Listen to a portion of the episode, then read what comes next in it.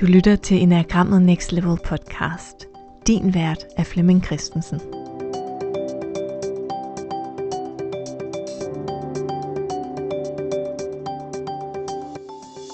Har du nogensinde slået dig på din typebeskrivelse? Læst din enagramtype og tænkt, af. Har du måske ligefrem haft modstand mod enagrammet, fordi du læste beskrivelsen som negativ? Det vil vi gøre op med i vores e-bøger, typernes positive kvaliteter. Fordi her bliver typerne beskrevet udelukkende gennem andres positive oplevelser med dem. Jeg hedder Camilla Lærkesen, og det er mig, der bliver din vært på den her miniserie om typernes positive kvaliteter. Jeg er community manager i Facebook-gruppen Enagrammet Next Level, vi der bruger Enagrammet. Og i den her podcast-serie, der er det mig, du kommer til at opleve som vært, når jeg har en række gæster i studiet, der har læst e-bogen om deres egen type og fortæller, hvordan det er at blive mødt med den her positive version af enagramtypen. Nu er vi simpelthen ved vejs ende i den her serie om typernes positive kvaliteter. I den her episode, der skal du møde Ditte Maria Hansen og Christine Marie Dyrsberg, og de fortæller begge to om de positive kvaliteter ved at være type 1. Men vi er faktisk ikke helt færdige med den her serie. Så bare bliv ved med at lytte med her på podcast, for der kommer et par episoder mere, hvor vi runder denne her serie af. Over i Facebook-gruppen, der går vi i gang med instinkterne, fordi vi varmer op til Ross Hudsons besøg her i september.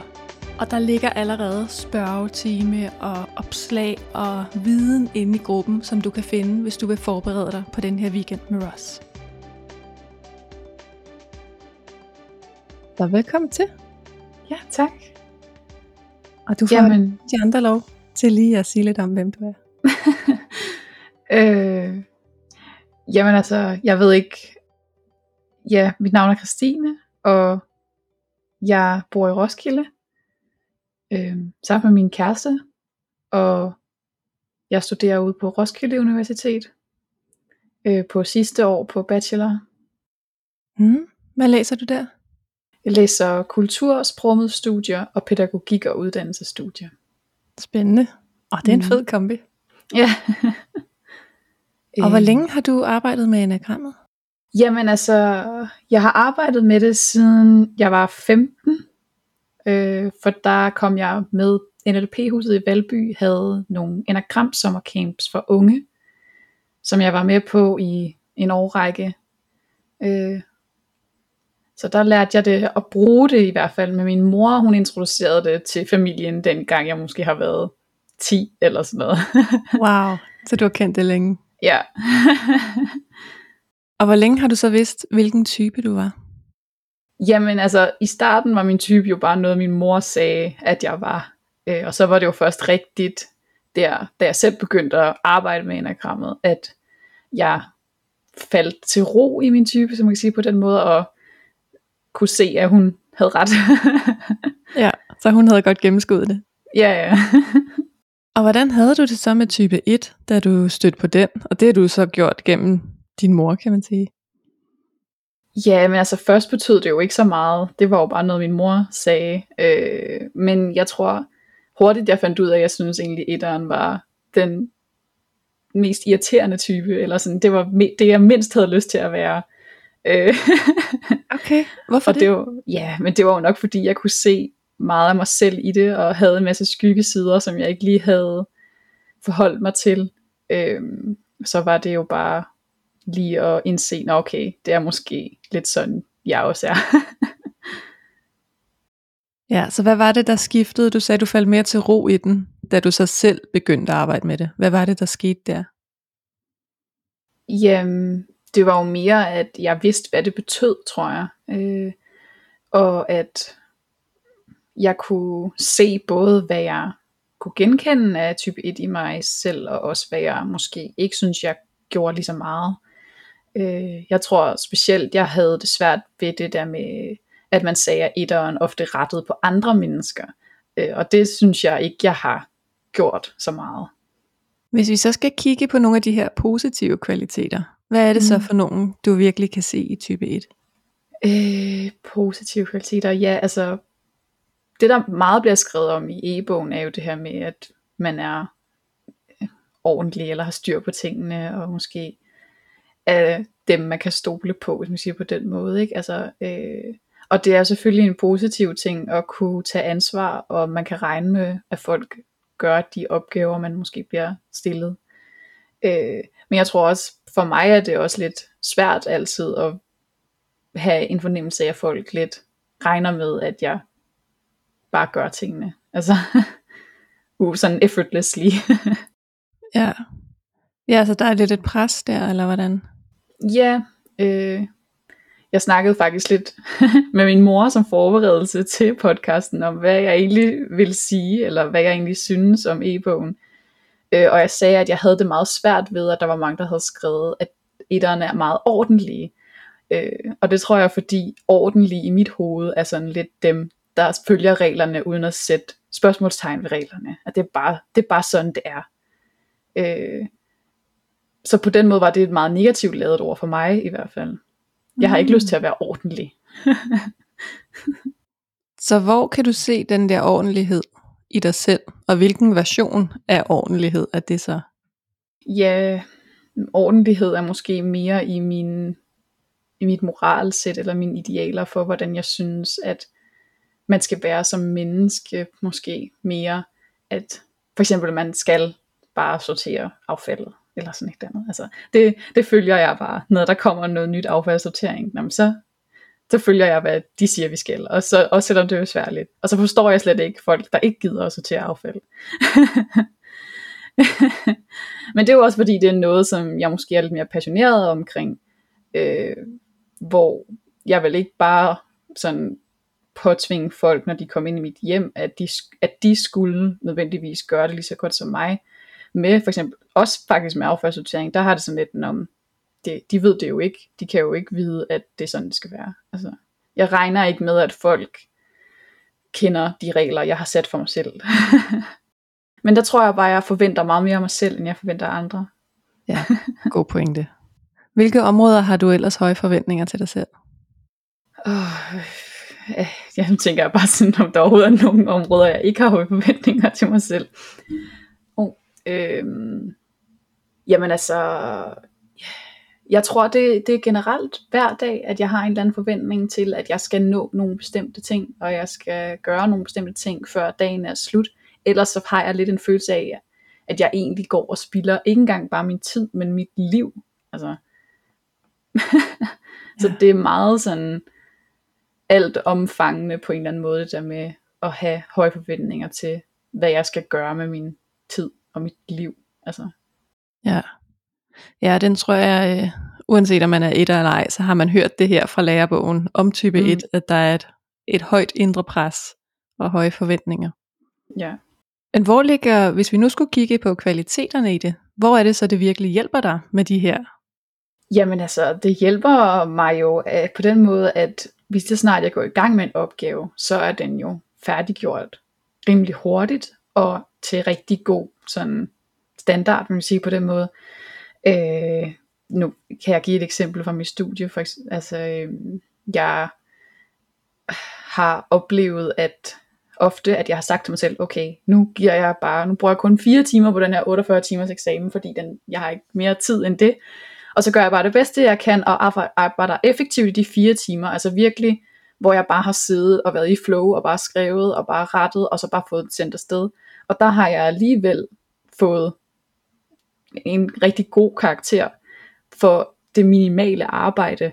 Øh, og det tror jeg egentlig, jeg synes er fedt, det der med, at jeg kan godt stole på mig selv med min arbejdsindsats.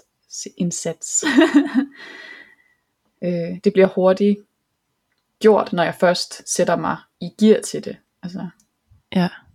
Og så kan du godt holde dig på fire timer på sådan en 48 timers eksamen det var så lige på et tidspunkt, hvor jeg blev nødt til det, fordi jeg så havde sagt ja til alt mulige andre ting. Øh, men ja, øh, og, og jeg har jo heller ikke dumpet noget ud på mit universitet endnu, og det har jeg også prøvet at sige til mig selv. Det er jo meget normalt, at man dumper nogle øh, altså eksamener og sådan noget. Øh, og det har jeg egentlig også accepteret, så derfor har jeg prøvet at bare gå efter det der med at bare bestå. Altså, øh, Men det er jo ja. også hårdt nok i sig selv, synes jeg. Altså at skulle bestå.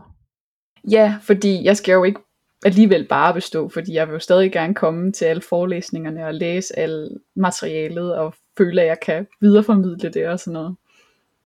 Lykkes det dig så at komme til alle forelæsninger og kende alt materialet? Det gør det ikke, nej. jeg bliver altid syg eller sådan et eller andet. Min krop siger altid stop på et eller andet tidspunkt. Er det noget, du, altså noget, der sker tit, at du bliver syg?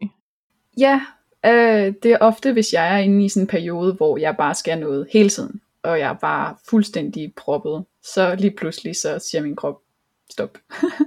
Ja. Ja. Det, ja, det kan jeg bare genkende fra mig selv også. Mm. At øh, det skal være min krop, der siger stop, fordi mit hoved tænker, at det kan jeg sagtens. Ja, lige præcis. Hvad hæftede du dig ellers ved undervejs i den her e-bog? Øh, jeg tror, jeg sådan prøvede at observere lidt, hvad jeg måske selv tænkte om, hvad der stod. Øh, nu hvor jeg også vidste, at jeg skulle snakke med dig om det. Øh, og jeg, jeg synes egentlig, det var øh, på en eller anden måde sådan lidt ubehageligt at læse folk, der prøvede at give ikke, det var ikke mig personlige komplimenter, men den type, jeg identificerede mig med. Og, og det føles bare sådan lidt sådan, ah, nej, øh, det har jeg ikke rigtig lyst til. Jeg, jeg, er ikke, jeg er ikke glad for at få komplimenter, tror jeg generelt. Nej. Og det er sjovt, du siger det, fordi du er ikke den første, der siger det. mm, Altså, at det var lidt mærkeligt. mm. Så hvad tror du, det var, der triggede dig? Øh, jeg tror måske også, at det er sådan lidt en imposter syndrome på en eller anden måde, at jeg føler, at folk jo kun ser mig, når jeg måske har overskud, eller når jeg har sat sådan en eller anden image op om, at nu har jeg styr på det. Øh, de ser jo ikke alle de ting, der sker, når jeg er derhjemme, eller når jeg bare snakker med mig selv, eller hvad man kan sige på den måde. Ikke? Altså, øh, og at det var jo selvfølgelig nogle flotte ting, folk har skrevet, men det er måske også nogle lidt overfladiske ting, øh, fordi det jo bliver meget bundet på typen, og ikke nødvendigvis personen bag. Mm. Øh, eller det ved jeg ikke, altså, øh, så jeg tror, mm, ja, jeg, jeg kunne ikke rigtig forestille mig, at der ville være noget så godt ved mig som type, at det vil give mening at skrive det ned, eller sige det, eller være sådan, det var da, det her er noget, du altid er. Det er sådan lidt, ah, er jeg nu også det? Altså, Ja. Ja, så det var for godt på en måde. ja, det kan godt være, at det var, det, det, ja, det føles måske også lidt som, som om det var noget, jeg mere skulle leve op til, end det egentlig bare var folk, der prøvede at være søde og sige, det her er du god til, men det blev en ny forventning til, hvad jeg så skal være i fremtiden. Ja, det giver vildt god mening, at du har læst Mm. det på den måde. Var der nogen sådan specifikke udtalelser, du kunne mærke, du reagerede på? Mm, Nej, fordi jeg, jeg tror, meget af det læste jeg meget hurtigt, fordi jeg, jeg havde det ikke så godt med at være i det. Øh, men jeg lagde meget mærke til, at der blev, at der stod ordentligt Mm. rigtig mange steder. Ja, det gør der. ja. Der er en, der skriver, jeg elsker at feste med type 1. De er så sjove og festlige, når de giver slip. Mm. ja. Hvad tænker du om den? Jamen altså, det kan jeg godt se. Altså, jeg har, jeg har i hvert fald selv oplevet, at folk synes, det er meget sjovt, når, når jeg lige pludselig måske for eksempel øh, begynder at bande, eller sådan et eller andet, hvis der jeg har fået en lille smule at drikke, eller jeg er i rigtig festhumør, eller sådan et eller andet. Og folk bliver meget overrasket, men sådan lidt på sådan en positiv måde. Er du også det? Kan du også det? Kan du også godt give slip? Kan du også godt være andet end bare den der arbejdsrobot, vi ser normalt? Ikke? Altså, Hvordan er det for dig, når de reagerer på den måde? Jamen altså, i, altså da, jeg, da jeg gik i gymnasiet, det er jo være nogle år siden også, men der synes jeg, det var svært at, at, at give slip foran andre mennesker, øh, fordi jeg ikke synes, jeg stolede på folk. Og der har jeg lært lidt mere, at det er okay at vise af sig selv, og være lidt mindre privat på den måde, altså, eller kontrolleret. Altså, øh, at folk bliver glade, og folk føler, at de kender en bedre, når det er, man viser andet end det, man kan kontrollere. På den måde. Så hvad gør du, når du skal give slip? Altså hvad er sådan en afslappningsting eller en festting for dig? Øh, det er nok at sådan spille nogle brætspil, eller sætte noget god musik på, øh, eller danse. Det gør jeg ofte. Der er også en, der skriver, de er virkelig en fast klippe i stormvær. Både i forhold til at knokle hårdt, men også til at få andre til at tro, at de kan lykkes. Mm. Er det noget, du kan se dig selv i? Øh, ja, altså, jeg, jeg er i hvert fald god til at dele arbejdsopgaver ud. Men altså, jeg ved ikke, om jeg får folk til at tro, at de kan lykkes. Jeg tror måske bare, at jeg, jeg forventer noget af folk, og så lige meget, hvor, hvor lidt de måske selv tænker, de kan, så forventer jeg stadigvæk noget af dem. Og det kan jo også godt være en motiverende faktor. Øh, om det så er, at man normalt ikke arbejder så intensivt med, så ser man, at jeg måske arbejder en masse, så får de måske dårlig samvittighed, eller får lyst til også selv at gøre en masse. Det har i hvert fald min, min, min bedste ven, som jeg gik i gymnasiet med, han sagde i hvert fald ofte, at han fik lyst til at arbejde mere, fordi han kunne se, hvor meget jeg arbejdede. Og det var så en god balance, fordi jeg fik lyst til at slappe af sammen med ham, fordi jeg kunne se, at han også kunne slappe af i ikke at lave lige så meget. Så vi havde sådan en god balance. ah, det er fedt. Mm. Det er et godt match. Ja. Har du nogen etter selv i din omgangskreds? Overhovedet ikke. Overhovedet ikke. Overhovedet ikke. Jeg tror, jeg sådan repeller dem. Jeg ved ikke, altså jeg synes næsten aldrig rigtigt, jeg støder på nogle etter overhovedet. Altså, jeg ved ikke, jeg tror måske, bare når det måske kan være lidt svært, hvis man har en meget specifik måde at se verden på og gøre tingene på, og så møde andre, der har det på samme måde, men måske bare på en lidt anden måde, end man selv har. Øh, jeg har haft nogle få kortvarige sådan venskaber, men jeg med etter, men jeg er hurtigt blevet sådan lidt fyldt op af det, tror jeg. Ja. At det er blevet for meget. Øh, fordi enten så har jeg følt mig meget sådan trumlet ned, at det var på deres måde, eller ingen måde, eller så har jeg selv følt, at jeg skulle snakke for højt i forhold til at få min egen øh, mening frem. Ja, okay. Ej, det er meget sjovt. Ja. Men i de etter, du så har haft, mm. hvad er det for nogle kvaliteter, du kan se i dem? Nogle gange så er det nemmere at spejle over i andre. Jamen altså, de er jo også altså, øh, pålidelige i hvert fald, altså i forhold til at få gjort ting, og man regner med, at det er dem, der gør et godt stykke arbejde, kan sige på den måde. Altså, øh, men ja, det er svært, fordi det har ikke været særlig meget, at jeg Nej. har haft et i mit liv. Nu sagde du før, at nogle af de der komplimenter, de var sådan lidt overfladiske. Ja, ja. Men hvis man nu skulle prøve at ramme lidt dybere på en etter, hvad vil du gerne ses for? Altså hvilke kvaliteter vil virkelig være fedt at få fremhævet for dig? Det er et godt spørgsmål. Det kan være lige til at tænke over det, tror jeg. Øh, Mm. Måske, altså, jeg tænker på to ting, og, og det er sådan lidt diffust måske, men altså både sådan lidt en form for retfærdighedssans, og sådan en form for empati. Altså jeg synes selv, jeg er god til at se, hvordan andre mennesker, øh, hvad, eller andre menneskers perspektiver, øh, og i hvert fald er, har en eller anden form for idé om, hvad der er retfærdigt eller ikke er retfærdigt. Øh, men selvfølgelig kun, når jeg ikke selv har en eller anden agenda. Men altså, øh, øh, jeg tror i hvert fald personligt for mig, at det kontakten med andre mennesker, der betyder mest. Og jeg tror specielt, at jeg prøver at være der for andre mennesker, og give dem det, som de gerne vil have. Øh, og nogle gange også lidt på bekostning af mig selv. Altså at jeg er meget god til at gemme mine egne følelser væk, og mine egne oplevelser.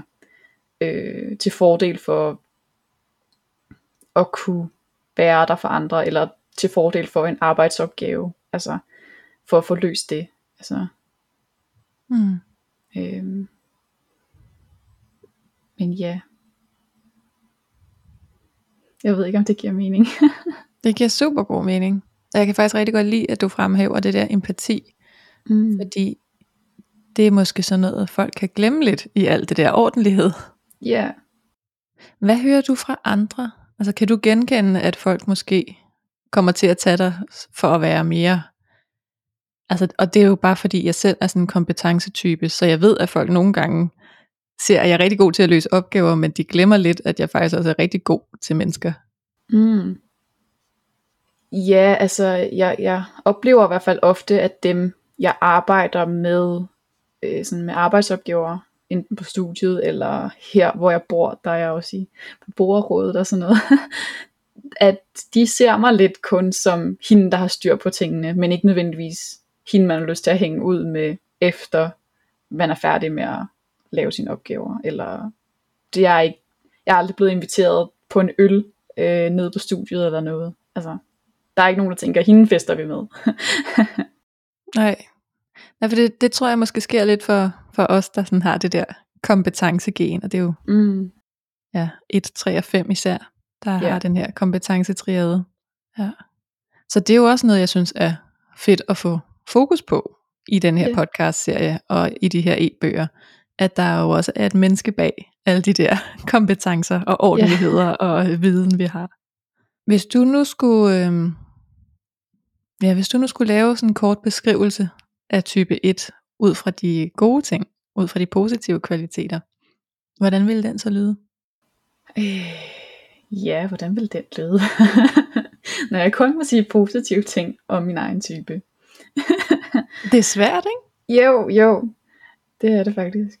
Øhm, jamen altså, selvfølgelig er der jo, altså etteren er en type, som er rigtig god til at få tingene gjort. Øh, og det er jo også en god ting, kan man sige. Øh, øh, og de er jo også gode til også i hvert fald kunne se, måske, hvad der kan være rigtigt og forkert, men altså det kan jo så variere meget, om det så egentlig er en sandhed, eller om, altså i gåsøjne en sandhed, eller om det er noget, de selv ser subjektivt. Altså, øhm, øh,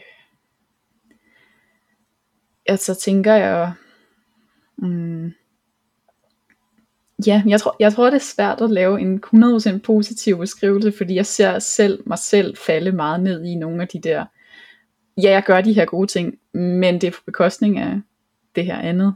Øh, Hvad kunne det være på bekostning af? jamen altså på bekostning af at sørge for at passe på mig selv måske, sørge for at få tid til at slappe af, sørge for at få tid i min hverdag, hvor jeg ikke skal noget, eller sørge for at kunne slappe af med god samvittighed. Altså, øh, det er jeg ikke særlig god til. Altså, øh, for der er altid et eller andet, man lige kan gøre. Og, og jeg tror også, specielt, jeg, nu er jeg jo også, i princippet er jeg jo også øh, generation Z, fordi jeg er fra 99. Så jeg har det også meget med at tænke over det der, men hvorfor, hvorfor er det egentlig, jeg ligger her, og jeg kan ikke rigtig gøre så meget i forhold til den store hvide verden derude, og det ved jeg ikke så meget om, om det har med etteren at gøre, eller min generation, men det her med, at, at det egentlig alt sammen måske er lidt ligegyldigt, fordi kan jeg overhovedet gøre noget for den store, det store billede. Altså, Ja.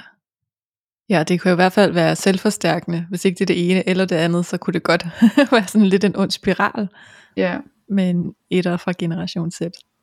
Ja. Ja. Nu sagde du, du havde forberedt dig ved også lige at tale med din mor. Ja. Havde hun nogle positive kvaliteter, hun fremhævede? Mm, nej. Nej, det tror jeg ikke. øh, men altså, hun er selv to med en meget stor ettervinge, så jeg ved heller ikke, om det måske lige også er hendes lidt blinde punkt. Altså, øh, Ja, det kan selvfølgelig være. ja. Jeg tænkte, det kunne godt være sådan en mor tænkte, nej, og så skal du sige det der, og du er også god til det der, og mm. det her skal I tale om. Husk at ja. sige, at du er god til. mm. Nej. nej. er der noget, jeg mangler lige at komme omkring? Noget, du tænker, det her, det, det er faktisk et vigtigt punkt.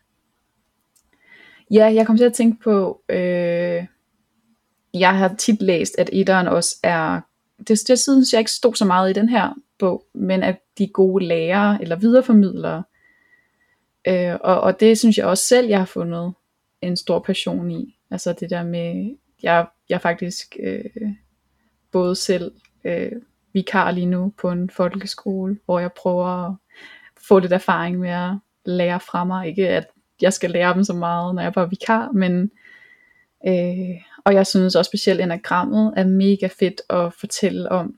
Øh, jeg begyndte faktisk for tre år siden at lave sådan nogle enagrammet øh, café fra unge til unge her i Roskilde. Ja.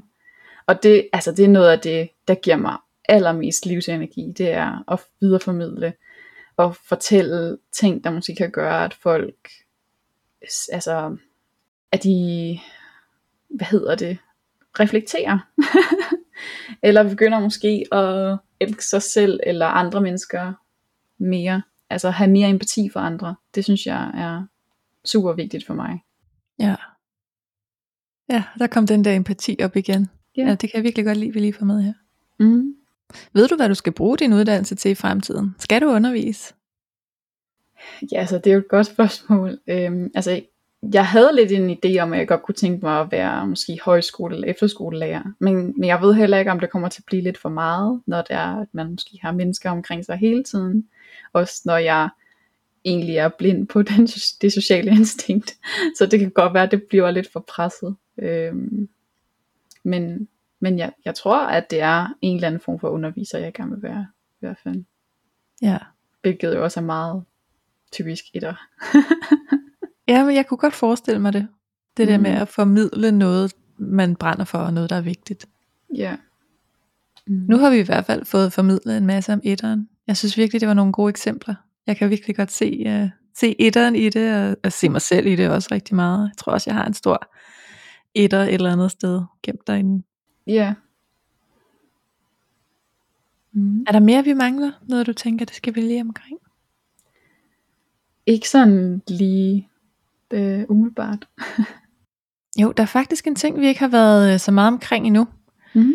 Da jeg sad og satte den her e-bog op, så hæftede jeg mig ved, at der stod inspirerende og visionær så mange steder. Jeg sad faktisk og læste igennem den her e-bog og tænkte, ej, sådan nogle ord vil jeg også gerne have, når, der, når det bliver femårs tur. Ja, du synes, det var nogle flotte ord, der var blevet sat på, eller? Ja, jeg synes inspirerende og visionær, det er da nogle mm. lækre ord. Dem har vi faktisk slet ikke talt om. Hvad tænker du om dem? Ja, at det er jo nogle flotte ord, der nemt kan stige ind til hovedet, tror jeg. Du sige lidt mere om det? Jamen altså, jeg tror, øh, måske også nemt som etter, man kan komme hurtigt til at tænke, at man er meget inspirerende eller visionær, uden nødvendigvis at være det, fordi man meget hurtigt kan fixere sig på, at det man har sagt eller gjort er rigtigt, eller ja, altså, øhm, jeg, jeg, nu kommer jeg selv til at tænke på, jeg ser sådan nogle YouTube-videoer, øh, med en, hvor de laver sådan, øh, de prøver at typificere nogle forskellige karakterer fra forskellige film, øh, og der er der så også en masse etter-karakterer, og der er for eksempel øh, Thanos fra altså Marvel Cinematic Universe. Og han er, mm. han er en etter, der er ligesom meget lavt udviklet måske, eller i hvert fald meget fixeret på, at han har fundet svaret på, hvordan man løser retfærdighed i verden, og det er jo bare, eller i universet jo, ved bare at fjerne halvdelen af universets befolkning, fordi så er det jo retfærdigt for dem, der er tilbage, fordi så er der per- perfect balance, ikke? Altså, ja, ja, og så øh, vælger han tilfældigt hvem der skal væk. Ja, lige præcis. Fair. Ja, lige præcis. Og det er jo fair i teorien, kan man sige. Men det er jo fixeret på, at man måske ikke har den der empati. Og det tror jeg er det det vigtige, der skældner, øh, der kan skælne nogle idræt fra hinanden, det er, om man har den der empati eller ej. Altså om man kan sørge for, at, når man er retfærdig eller selvhøjtidelig, hvilket i der også godt kan være lidt, så at man husker andre mennesker i det. Altså, øh, både sig selv og andre mennesker. Øh, Mm. så på den måde tænker jeg 100% at Ida kan være visionære og inspirerende, fordi at der kan komme en kæmpe stor retfærdighedsfølelse i, at man måske endda kæmper for noget meget højere, altså man kæmper for menneskehedens overlevelse, eller stoppe klimaforandringer og sådan noget, at det er der nogle ting, som man helt sikkert kan få en masse mennesker til at følge med på, hvis man bare husker stadigvæk at være nede på jorden. Ej, jeg synes, det var ret sjovt, du lige fik uh, Thanos med, fordi jeg har altid bare tænkt på ham som, jamen, han er jo bare sådan den ultimative superskurk i Marvel.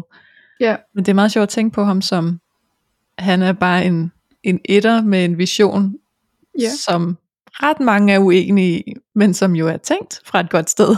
ja, ja. Hvordan er det for dig at tænke på, at mange mennesker måske ser dig som visionær og inspirerende? Min første tanke er bare sådan, Psst, ej, det gør de sgu ikke. Hvad snakker du om? øh, det kan da godt være, det... Øh... Jeg synes ikke, jeg gør noget specielt inspirerende.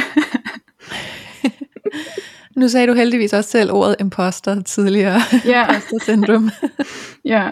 som jo er det her med, at, ja, hvordan beskriver man det? Hvad er imposter syndrom? Det er jo, at mm, man er bange for, at der er nogen, der lige pludselig siger, ej, du har lovet hele tiden, det der er du jo slet ikke. Altså, og, og, og fanger en, altså med bukserne nede på en eller anden måde, ikke? Altså, Ja. du har jo bare holdt os alle sammen for nar. Altså, øh, du har slet ikke levet op til alle de her ting, som vi har tænkt om dig. Nå, men nu tror jeg, vi er meget godt igennem. Ja, Det var i hvert fald mega fedt at have dig med, Christine. Tusind tak, Ja. fordi du havde lyst. jamen tak fordi jeg måtte være med. Selvfølgelig. Velkommen i studiet, Tak. og dejligt, du har lyst til at være med. Det kan du tro. Du får ligesom de andre lov til at præsentere dig lidt, inden vi går i gang, så Ja. du kan sige lidt om, hvem du er, udover ja. at du hedder Ditte Maria og er type 1.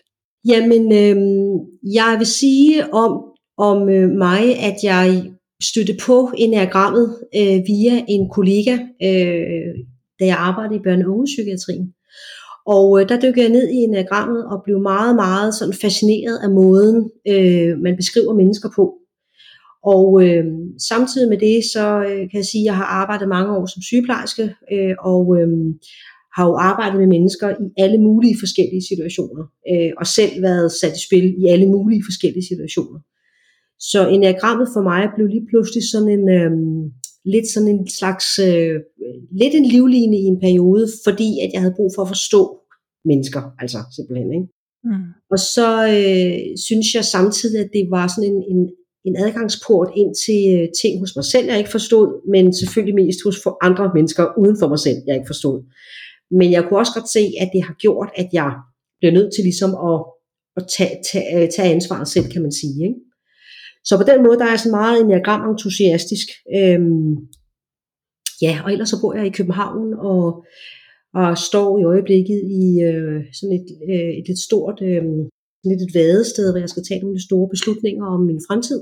Og det er jo selvfølgelig sådan noget angstprovokerende. Øhm, men, øh, men ja, altså jeg står sådan lidt øh, og skal, og der skal ske noget forandring i nær fremtid. Ja. Hvordan er det for dig som etter, det der med, at der skal ske noget nyt, du ikke ved noget om endnu? Det er exceptionelt angstprovokerende. Og øh, det er ikke noget, der passer øh, mig, fordi at jeg godt vil have, at der er noget struktur, sådan at jeg ligesom ved, hvad jeg har øh, at gøre med, og sådan så der ligesom er styr på tingene, så når man ligesom kan, hvad skal man sige, øh, øh, ja, have styr på tingene og, og gøre tingene sådan ordentligt. Det er bedst. Det er bedst, når der er styr på tingene.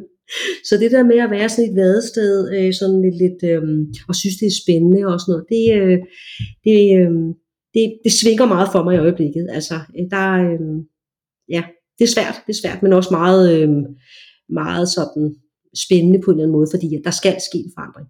Så ja. Ja, spændende. Ja. Hvad er det så, man kan sige, det der med, at der skal være styr på tingene, det er jo sådan noget, etteren kan blive lidt fixeret i. Ja, det kan man sige. Det kan man sige. det, det tror jeg roligt, man kan sige. Ja. Hvad er det så for nogle øhm, andre sider etteren, du kan trække på, når nu du står her, og der skal ske noget nyt? Det, som jeg kan trække på hos etteren i det her, det er, øhm, at jeg skal prøve at arbejde med ikke at være for dømmende. Fordi det er jo det der med de overbevisninger, øh, som etteren kan have, som kan være meget, meget øh, hårde og dømmende og devaluerende. Og det, øh, der er en stor øh, proces, der ligger lige foran mig, øh, hvor jeg skal arbejde med ikke at dømme mig selv for hårdt i det her. Ja. Fordi det er så uvandt for mig. Så min reptilreaktion er den der dom øh, i en eller anden grad. Ikke? Jo. eller en overbevisning, øh, øh, som, ikke, som, ikke, som ikke er sand. Og når det så er sagt, så kan jeg lige skyde ind her, at jeg er øh, ret, skruer ret højt på, øh, på self-preservation, altså på overleverinstinktet, øh, men har kontakt til alle tre. Mm. Der er sådan meget 50-50 på overlevelse og på social, det er de to, der er mest dominerende ikke? hos mig. Og hvordan havde du det med type 1, da du første gang stødte på type 1? Jamen det var simpelthen sådan en stram situation for mig. Altså jeg var sådan lidt, jeg blev sådan lidt fornærmet. Okay. Tænk, de der, de der, sikkert noget sludder. Sådan er det der faktisk overhovedet ikke. Hvem har skrevet den bog? Puh, jeg, ikke? Altså, jeg kan huske, at jeg, jeg havde jo den der enagrammets øh, visdom, den store bibel der. Og jeg kan huske, at jeg diskuterede det med min kollega, som øh, introducerede mig for enagrammet, og vi var færdige at grine. Altså, færdige at grine over det der. Fordi jeg jo netop bare afslørede mig selv helt vildt i det, ikke? Øh, men langsomt så dykker jeg ned i det, og da jeg så finder ud af, at jeg er ret så sådan skizo i virkeligheden, så meget øh, jeg er meget, meget i der, jeg er meget, meget toer. Jeg har en kæmpe vinge i toer-universet. Så var det som om, at jeg kunne bedre bløde det op, fordi at øh, jeg kan se, når, når jeg trækker på, på, på vingen i toren, så sker der noget meget, altså jeg, det bløder simpelthen etterens meget sådan kantede øh, personlighedstype op, øh, når jeg inddrager toren. Øh, og det, øh, så, så er det ikke så slemt at være etter, faktisk. så er det ikke så slemt at være etter. Nej, for nu har vi jo allerede øh, fået talt om, at etterne er kantet og, øh, og kan også være ret hård og dømmende. Hvordan var det for dig at læse den her e-bog, hvor vi tog udgangspunkt i etterens positive kvaliteter? Jamen, det var simpelthen så fantastisk, fordi det gør faktisk også, øh, at jeg som type, og det håber jeg også andre typer gør, øh, husker og, og visualiserer, hvor meget man i bund og grund udlever sin type på, en, på rigtig, rigtig fin vis. For jeg ved jo, at jeg er en smadret, smadret god ven. Jeg er super god til at se andres potentiale. Jeg er sådan ret visionær. Øh, jeg er super god til at være visionær og kunne se, hvad der er det rigtige på, på den lange bane. Jeg kan sådan se gennem tunnelen, det er der, det der nede, det, det skal vi, øh, der skal vi hen. Øh, jeg har altid haft en retning, for eksempel altid. Det kan godt være, at jeg har lavet sådan øh, alle mulige mærkelige omveje og alt muligt. Det gør man i livet. Der sker ting i vores liv, men jeg har altid haft en retning. Altid. Og jeg har været sådan meget stringent med den retning. Øhm, og jeg øh, kan også godt se, at, at det her med, med, med standard og ordentlighed, men det behøver ikke at være noget dårligt, fordi for mig er det jo vigtigt, at man er et ordentligt menneske, øh, fordi det er min grundværdi. Det behøver ikke at være dårligt. Det, kan, det gør blandt andet, at jeg, øh, det der med nogle gange, så, øh, så bruger jeg det der motto med, at kunsten er jo netop ikke at øh, give tilbage af samme skuffe, eller ikke at blive øh, ubehøvlet, fordi den anden er det. Og du ved, kunsten er jo at bevare sin ordentlighed. Ikke? Det synes jeg faktisk øh, er meget godt. Altså. Ja, helt Ikke sikkert. altid det lykkes selvfølgelig, jeg er også et menneske, men, men, øh, men jeg har meget det, det der grund, altså for mig er jeg meget, øh, jeg er meget, et meget øh, værdi, værdisat menneske, hvis man kan sige det sådan, øh, så jeg efterlever mine værdier, jeg er meget walk the talk i virkeligheden, øh, og det er på de der ting, som jeg synes er gode hos ikke? Ja.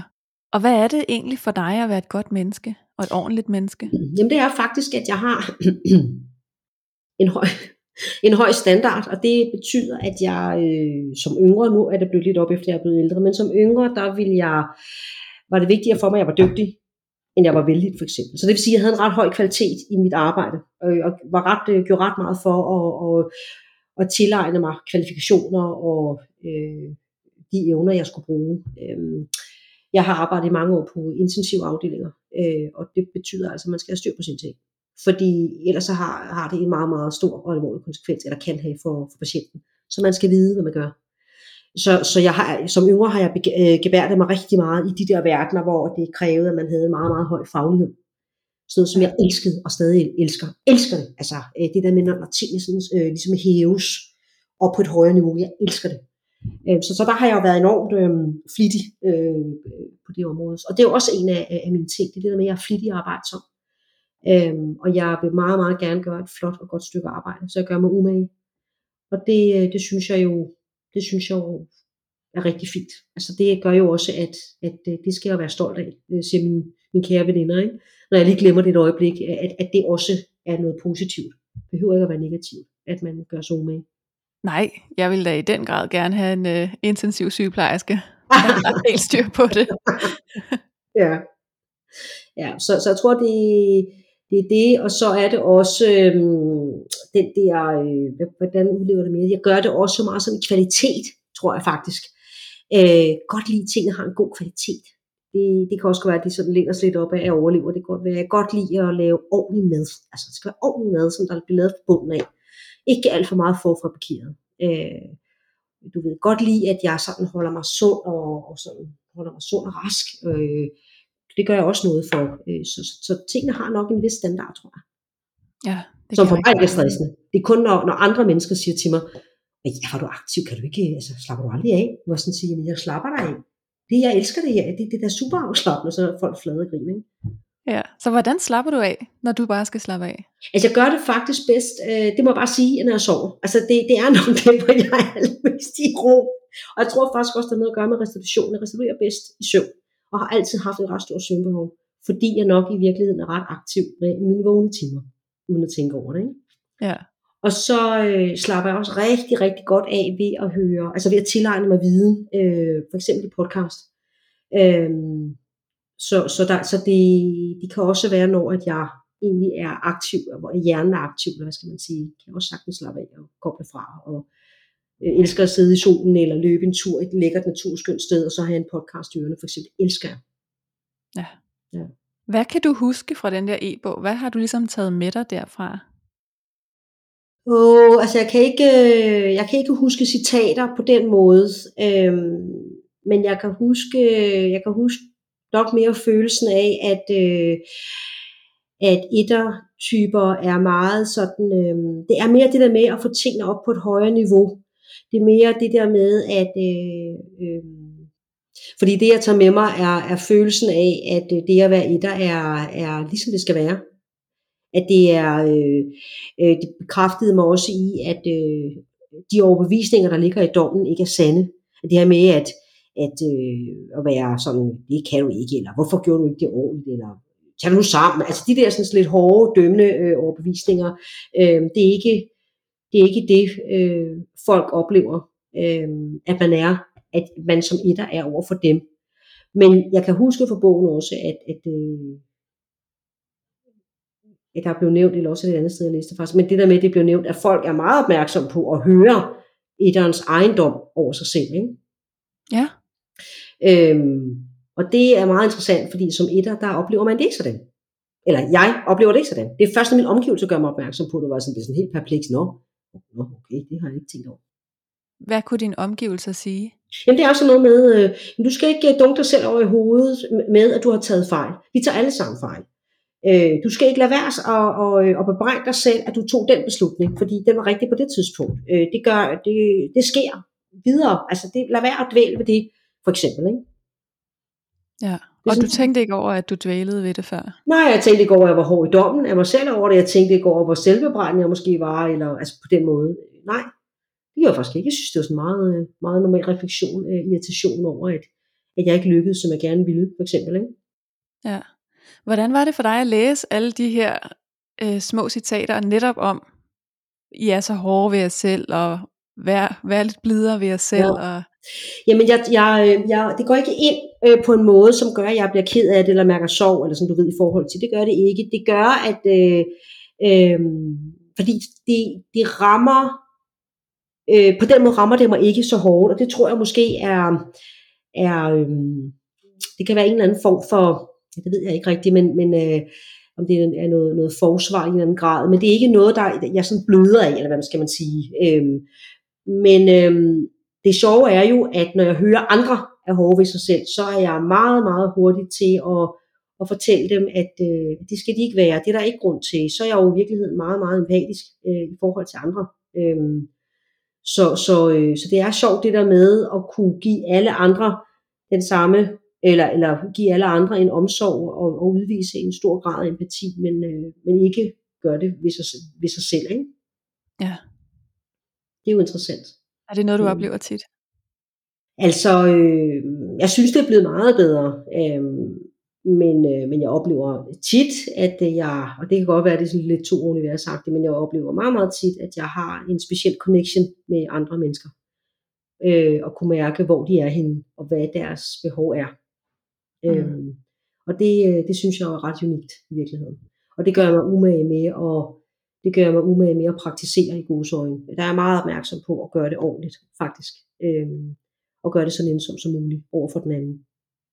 Ja, det var et meget Ja. fint ordvalg at være over i to universet, så Ja. alligevel gør der umage med at gøre det ordentligt. Ja, ja fordi, og det er, der, det er også der, den der dualisme kommer, og den, den har jeg sådan hele tiden. Jeg har hele tiden den dualisme, og at hver gang jeg gør noget over i to universer, så skal jeg altså lige proppe sådan en standard på. Og det er egentlig først, når jeg i tale sætter det over for dig, at, at, at, at det bliver sådan meget konkret for mig, fordi for mig er det jo bare en måde at leve på, kan man sige. Ikke? Så det giver en helt klart en større bevidsthed også. Øhm,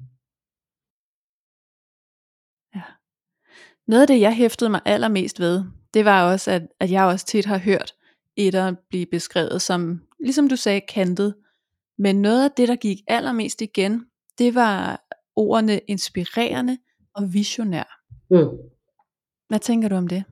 Jamen, øh, visionær, jeg er meget, meget, meget visionær. Øh, jeg kan se ting, sådan, øh, jeg, jeg kan se, hvad der er rigtigt, hvad for en retning vi skal gå. Øh, jeg, jeg, kan se, jeg kan se det, øh, og så jeg kan mærke det. Øh, så det er det ene.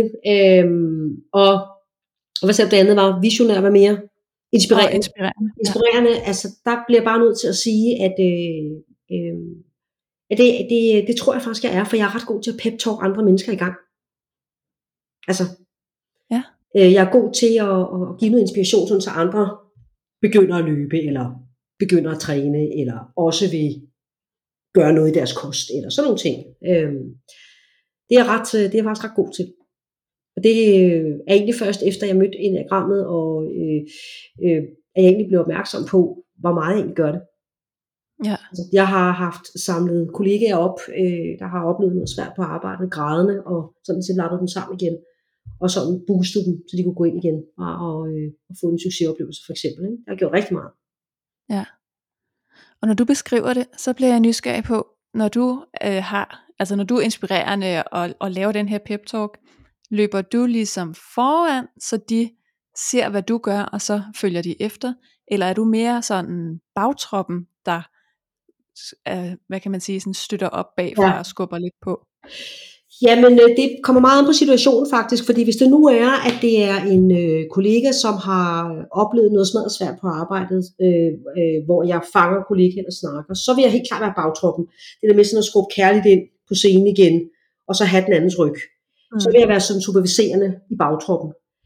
Øh, men jeg kan også sagtens være vise retningen. Nu skal du se, nu har vi den her patient, som skal det og det, og det gør man sådan og sådan. Altså, det kan jeg også være, ikke? Øh, hvor jeg ligesom er den der rollemodel øh, på det.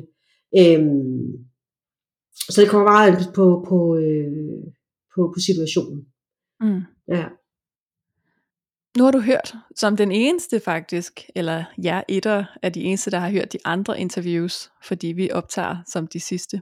Mm. Så nu har du faktisk hørt nogle af de andre, der er kommet ud. Så du har også hørt, at der er nogen, som måske også har følt sig lidt ramt, også i at læse det positive. Altså som faktisk også føler, at det bliver karikeret, selvom Nå. det vi prøver, det er ligesom at, at fjerne det, der er karikeret. Ja, ja. Hvordan oplevede du det at læse om type 1? Jeg oplevede det på ingen måde karikeret, men, Nej. men, øh, men jeg tror altså også på, at, at øh, man rummer jo begge dele. Nu kan man jo diskutere det her med karikeret i forhold til, hvordan enagrammet måske til at starte med beskriver typerne, især i enagrammets visdom. Øhm, og der, øh, der tror jeg måske, det kommer an på, hvordan man, øh, hvordan man anskuer enagrammet, men man har jo både det gode og det dårlige, kan man sige. Sådan er det at være et menneske. Øh, Mm. Så derfor så synes jeg ikke, man kan, man kan aflægge det ene og kun, øh, kun, kun se det andet. Det her med de pose øh, kvaliteter, synes jeg er en super, super god idé til at booste og, og løfte øh, sin egen type. Og det kan også give noget inspiration, hvis man har lyst til at arbejde mere med sig selv, hvis man har nogle ting i sig selv, som man godt vil blive, blive bedre til, så kan de positive kvaliteter være rigtig gode til at holde en fast i. Det vil jeg gerne blive bedre til, for eksempel. Ikke?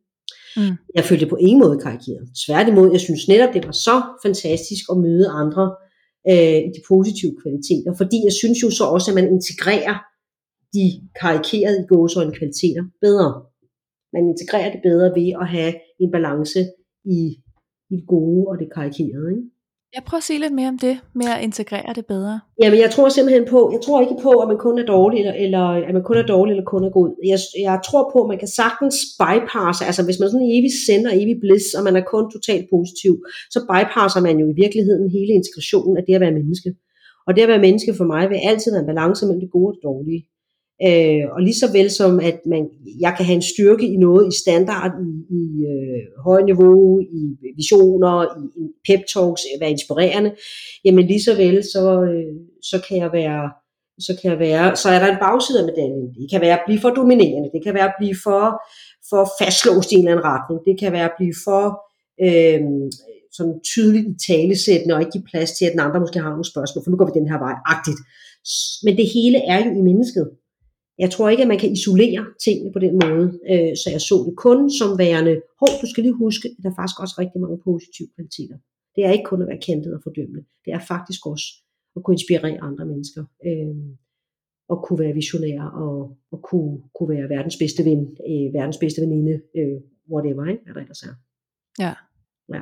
Hvordan tror du, du kommer til at tage de her positive kvaliteter, og så bruge dem i dit arbejde med enagrammet fremadrettet? Jeg tror helt klart, at jeg vil øhm, bruge dem til altid og nok altid at gøre mig umage, tror jeg.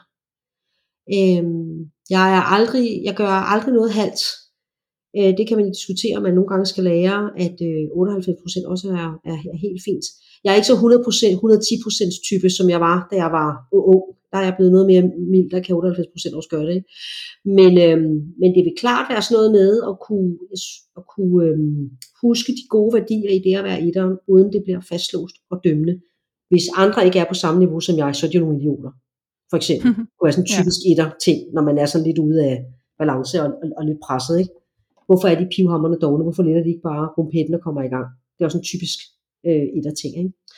Øh, og der, øh, der er det klart, at de positive kvaliteter kan være, jamen jeg, øh, jeg, jeg gør mig umage med det, jeg gør. Jeg har den gode kontakt med patienten, jeg har. Det er det, der, det, er det jeg skal fokusere på. Det er sådan, så det ikke de andre laver. Det må de selv bakse med. Det er noget med at og måske også lidt blive sin egen biks.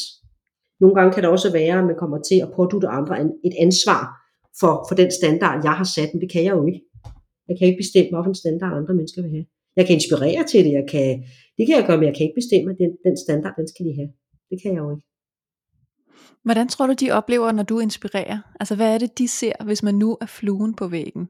Jamen, de ser, det er jo, det er jo, de ser jo øh, begejstring, og så er så meget animeret i virkeligheden, ikke? Og, og, og de ser jo handle, det her med handlekraften i det på en eller anden måde. Øh, at jeg får konkretiseret nogle, nogle ting, som for, for andre måske har været svære, og det giver dem nogle handlemuligheder lige pludselig, fordi det der med at få pillet tingene ned øh, fra et eller andet stort abstrakt rode maleri til at konkretisere det og gøre det mere øh, øh, brugbart og øh, doable på en eller anden måde, så kan man bedre overskue starte eller gøre noget, øh, hvad det kan være. Ikke?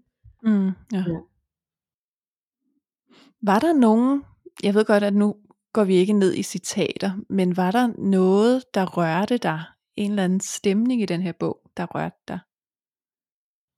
Ja, altså det, det, generelt vil jeg sige, at det rører mig det her med, hvor, øh, hvor hjertevarmt de her bøger egentlig er beskrevet for de mennesker, som, som fortæller noget om typerne. Altså øh, dem, der oplever type 4, 3, 5, 1, altså 2. Altså, øh, fordi at, at jeg synes, det er, det er sådan meget øh, bekræftigende, øh, og det bliver sådan et godt, øh, kærligt rum på en eller anden måde at være i.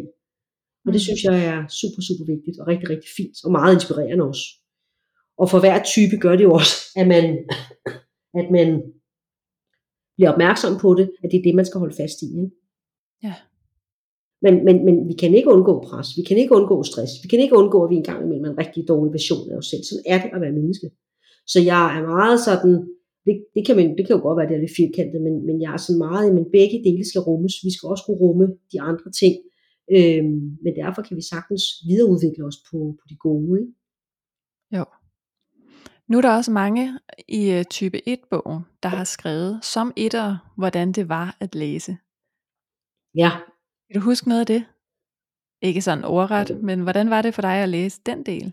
Jamen det tror jeg egentlig var meget sådan, øh, det, det, det tror jeg var meget fint, altså forstået på den måde, at, at øh, det er jo kun, det er jo kun øh, positive komplimenter eller små gaver, man får gratis af andre, agtigt, fordi de bliver positivt beskrevet. Så, så på den måde, så, øh, så giver det også en stolthed af øh, til at være den type, øh, som jeg er. Og at det skal jeg ikke øh, skrue ned for. Det, jeg kan videreudvikle det på en god positiv måde, men øh, jeg skal også være stolt af at være den type, jeg er, fordi den, øh, den kan en masse ting. Var der noget dengang, du første gang stiftede bekendtskab med etteren? Var der noget, du slog dig lidt på der? Nogle kvaliteter, der gjorde lidt nas? Øhm, altså, det var helt klart øh, det der dømmende. Og det var helt klart det der med at være sådan, øhm, øhm, sådan hård, hård i, hård, både hård i dom af især andre, og det der med at være så fastlåst i, øh, hvad, hvad der er ordentligt, hvad der er den rigtige standard, hvad der er rigtigt og forkert. Fordi det, det er faktisk noget, jeg ved, fordi jeg er etter, at du ved. Øh, det var meget mere sort-hvidt øh, beskrevet. Og det, øh, det er klart, det, det slog jeg mig selvfølgelig på, fordi det var genkendeligt. Altså, og fordi det er jo, og der gik faktisk noget tid, før jeg egentlig fandt ud af, at, at det var jo egentlig også bare mere at se det som en, øh, hvad skal man sige, en, øh, en påmindelse om, hvad der sker, når man bliver presset. At, at så bliver man måske mere den der lidt hårde øh, type, der står så meget øh, stringent på en eller anden måde. Øh, hvorimod, at, at hvis man er sund som etter øh, og, og op på et godt højt niveau, så ryger man jo over i syvvingen som er noget anderledes, meget mere eventyrlyst, meget mere sådan åben over for, for ting og sager, og ikke så, ikke så fastlåst. Så det er jo også det, der er vigtigt, synes jeg. Mm, ja.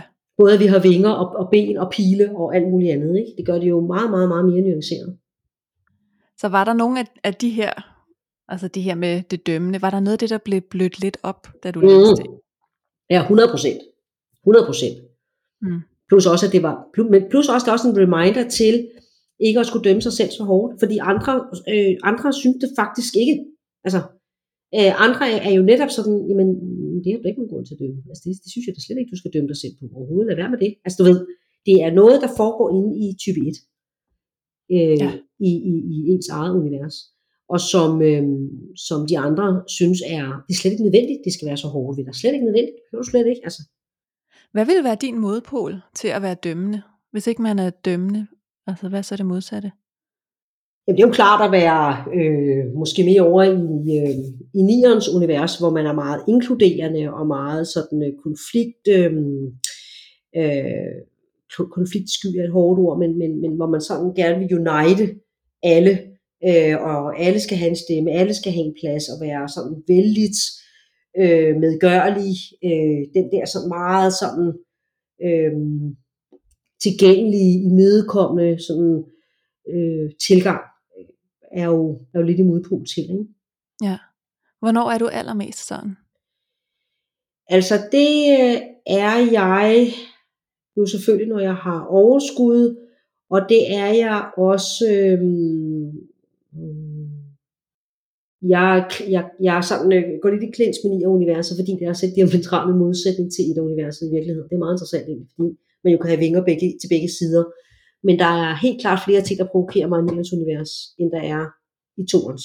Det er meget, okay. det er meget sjovt at stille spørgsmål, faktisk. Det er ikke tænkt over før nu.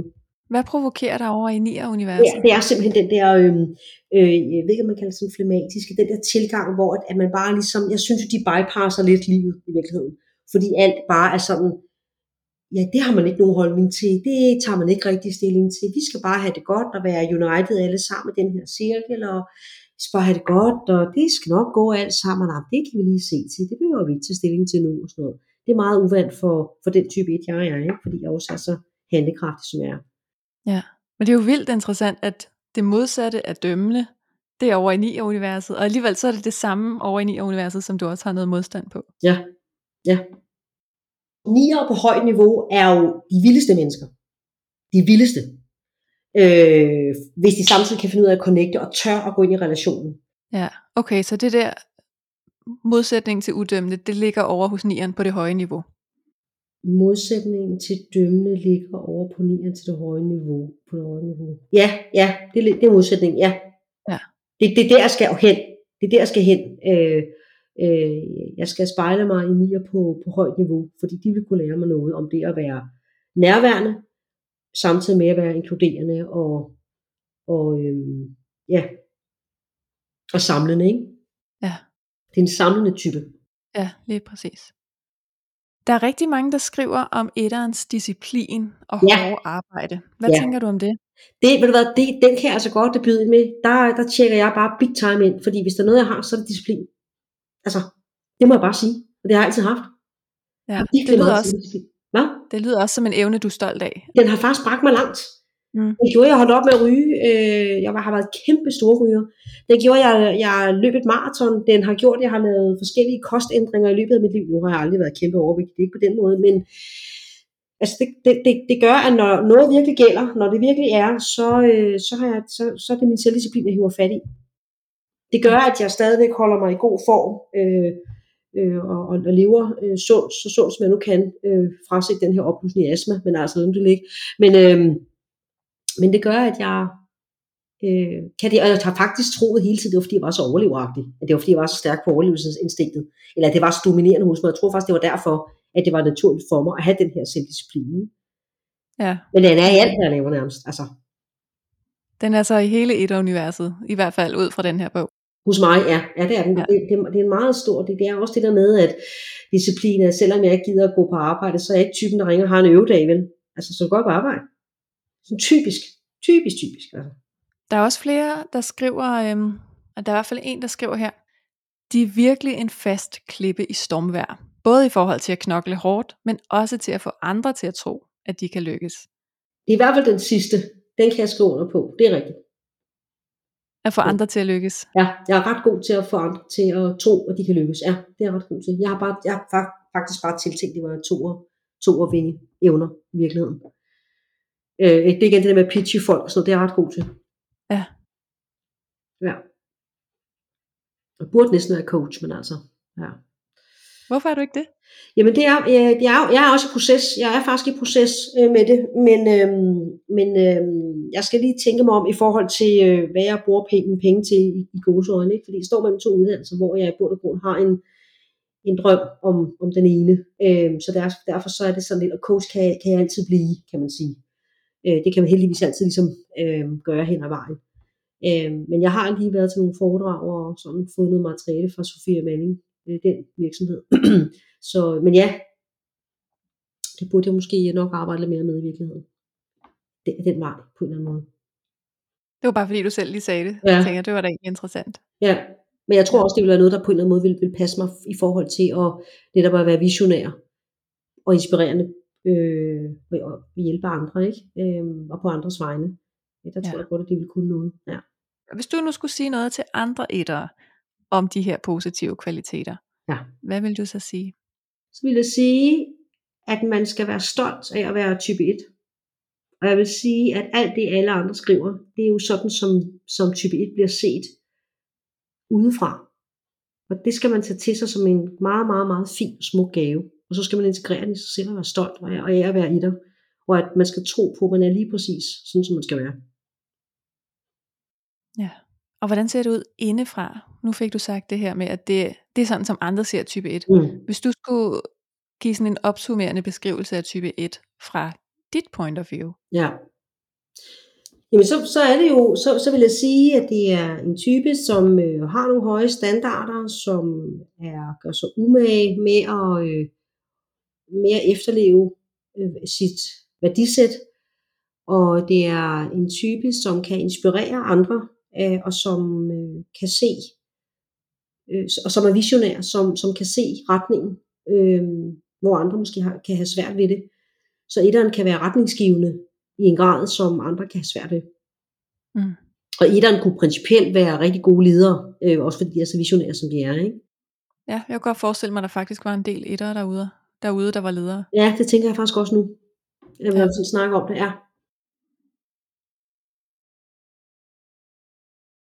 Jeg har lige lyst til at spørge her til sidst, hvad er det største, hvad er det største du har oplevet, som ligesom har været, som har været drevet frem af dine etterkvaliteter? Det største, jeg har oplevet. Eller gennemført, oplevet, gennemført, udført? Det tror jeg simpelthen er, det tror jeg simpelthen er, er mit rygestop. Ja. Fordi det var 16 års kamprygning simpelthen. Øhm, og så var det faktisk også, øhm, da jeg løb, altså det lyder måske sådan virkelig lidt forsimplet, men det var faktisk, da jeg løb en maraton, fordi der var en masse andre ting op til det maraton, øh, som, som gjorde, at det var øh, sådan, øh, øh, det var noget, jeg var lidt bange for at skulle gøre faktisk. Øh, og der kom øh, en, sådan en personlig, øh, sådan en personlig bog på vejen, øh, som var meget, meget hårdt. Øh, men, jeg, men jeg fuldførte det faktisk. Altså jeg fik alligevel ligesom holdt øjet på i den der tunnel, hvor jeg kunne se det der gennem tunnelen, det der lys. Så jeg var ikke i tvivl om, at det, det skulle jeg bare. Og så, så det gjorde jeg. Ja, så det gjorde du. Ja. Der er nogle gange, så, øh, så tager jeg nogle beslutninger, øh, som øh, andre ikke altid forstår, øh, men som jeg kan mærke, det skal jeg. Jamen så er vi ved vejs ende, simpelthen. Så tak fordi du var med. Jamen tak fordi jeg måtte. Det har været så spændende. Jeg glæder mig meget til at høre podcasten om de andre idrætter. Det er meget spændende altså.